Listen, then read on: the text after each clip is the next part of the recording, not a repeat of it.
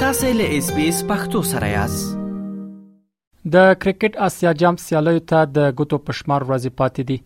دغه سیالي چې ټاکل شوې د روان اگست میاشتې په 28 نیټه په متحده عربی اماراتو کې پیل شي د سپټمبر میاشتې تر 11 نیټې پورې به دوام وکړي د یادو سیالیو په الف ګروپ کې هندستان، پاکستان او د متحده عربی اماراتو، هانګ کانګ کویټ او سنگاپور لوبډلو لمنځ یو لار موندونکي لوبډله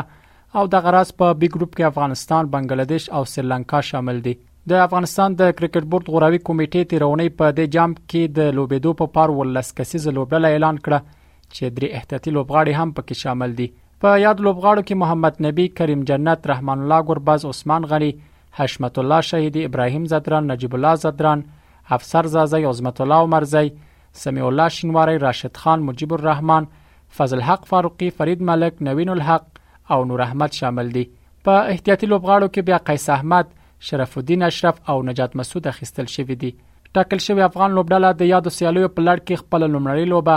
د روان اگست میاشتې په وشتمه د سریلانکا پر وړاندې په دوبۍ لوبغاړي او خپل دویمه لوبه د همدې میاشتې په 13 نیټه د بنگلاديش پر وړاندې په شارجه لوبغاړي کې تر سره کړي د افغانستان کرکټ بورډ چارواکي وایي چې د افغانستان کرکټ ملي لوبډله به د ښه چمتووالي سره د اسیا کپ سیالیو کې ګډون وکړي د دې بورډ ویان فرید هوتک له اس بي اس رادیو سره په خبرو کې وویل افغان لوبغاړي د اسیا جام سیالیو ته پوره چمتووالی لري او تمه ده چې ښه به ولوبېږي پاکستان کرکټ مینو لوبډله به د ښه چمتووالي سره په ایشیا کپ سیالیو کې ګډون وکړي د ویلو ده چې دغه سیالیو لپاره افغان کرکټ مینو لوبډله پوره چمتووالی لري او همداراز لوبغاړي به په ښه مورال سره په ایشیا کپ کې د افغانستان استازیتوب وکړي او ان شاء الله تمه ده چې ښې پایلې به ولري د افغانستان کرکټ ملي لوبډله به په اسیا جام سیالیو کې د انګلستاني ملي لوبډلې پخوانی منځني توپ وهونکي جانتن تروت تر روزنې لاندې ګډون وکړي همدا تیر اونۍ افغان ملي لوبډله د جانتن تروت تر روزنې لاندې له آیرلند سره 15 شل ورځې لوبې وکړي چې دوی افغانستان او درې هغه آیرلندي لوبډلې په خپل نوم کړي د کرکټ برخې یو شمېر افغان څارونکي هیلمن دي چې ملي لوبغاړو به د آیرلند پر وړاندې له ماتو زده کړه کړې وي او تمه ده چې په اسیا جام کې د افغانستان په استازیتوب له مسولیت ډک سیالي تر سره کړي دوی زیاته کړه چې افغانستان په اسیا جام کې مهمه لوبه لري او په کار ده چې ملي لوبغاړي حالاتو ته په کتو ښې لوبې وکړي. افغان لوبډله چې اوس په کوم حالت کې ده ستونزې هم لري او په دغه اماراتو پېچونو باندې خپلې ځانګړنې یا ښه والی هم لري. تر ټولو عمده ستونزه چې افغان لوبډله په دغه اسیا کپ کې وځوروي هغه د توپ وهنې ده خو بل اړخ ته که ښه والی باندې نظر واچوو په فسټ بالینګ او په سپن بالینګ کې افغان لوبډلې سره اوس ښه بالنګ دی په کوم ګروپ کې چې مونږ یو دا هم یو څه مونږ لپاره ستونزمن ځای دی خو چانس شته دی که چېرته زموږ ټاپ اډر او میډل اډر توپوهونکي ښه لوبه وکړي زمونږ امید هم دا ده چې ښه وځلیږي نو مهم لوبې دي د سریلانکا او د بنگلادیش سره باید په دې کې ډیره هڅه وکړي او هغه حالاتو ته په کتو باندې باید خپله لوبه وکړي. دا سیالۍ به د افغانستان لپاره څه اسانه سیالۍ نه وي، کوربه لوبډله به لوړ مورال سره دغه سیالیو کې حضور ولري، د افغانستان کرکټ بورډ لو هم کومه لوبډله چې اعلان شوې ښایسته لوبډله ده، زما په شخصي نظر د وروستیو څو کلونو تر ټولو ځوانه او پیاوړې او مناسبه لوبډله اعلان شوې ده، ځینې نیمګړتیاوې پکې شته خو ډیر تر سترګو کیږي نه هغه یو څه چې په لوبه کې ډېر مهم دي، خصوصاً په لومړۍ لوبه کې د افغانستان لپاره هغه دا دي چې لوبغاړي باید ډېر پر ځان باندې فشار ونه مني. د فشار نه منل، با مسؤلیته لوبه کول او د لوبې حالت سره مطابق لوبه کول دا به د افغانستان لپاره یو لوی امتیاز وي. که چېرې داسې لوبه وکړي، مطمئناً په دې سره بیا افغانستان لوبډله کولی شي چې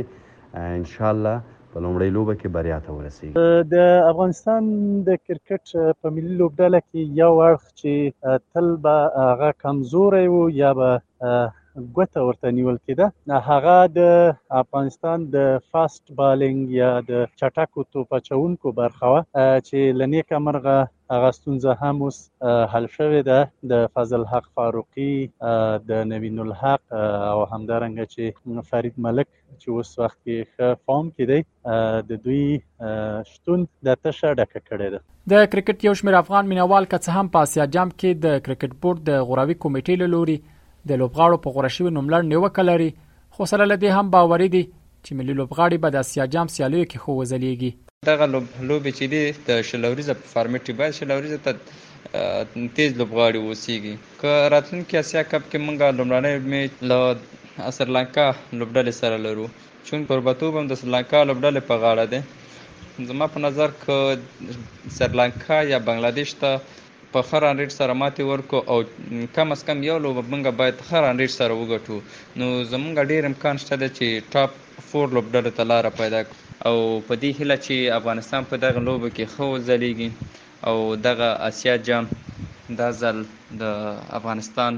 په نوم شي. که څه هم شپږیزه کرکټ لیګ ترسره شوی وو او تمه داسې وه چې یو ښه سلیکشن او ښه انتخاب به وشي، دې سیالیو لپاره او ښه لوبډله به وټاکل شي، خو د تمې او د خلکو د توقع خلاف لوبډله اعلان شوه، په لوبډله کې داسې لوبغاړي چې ضرورت ورته نه و یا په بله اصطلاح په لوبډله باندې بوج کیدای شي.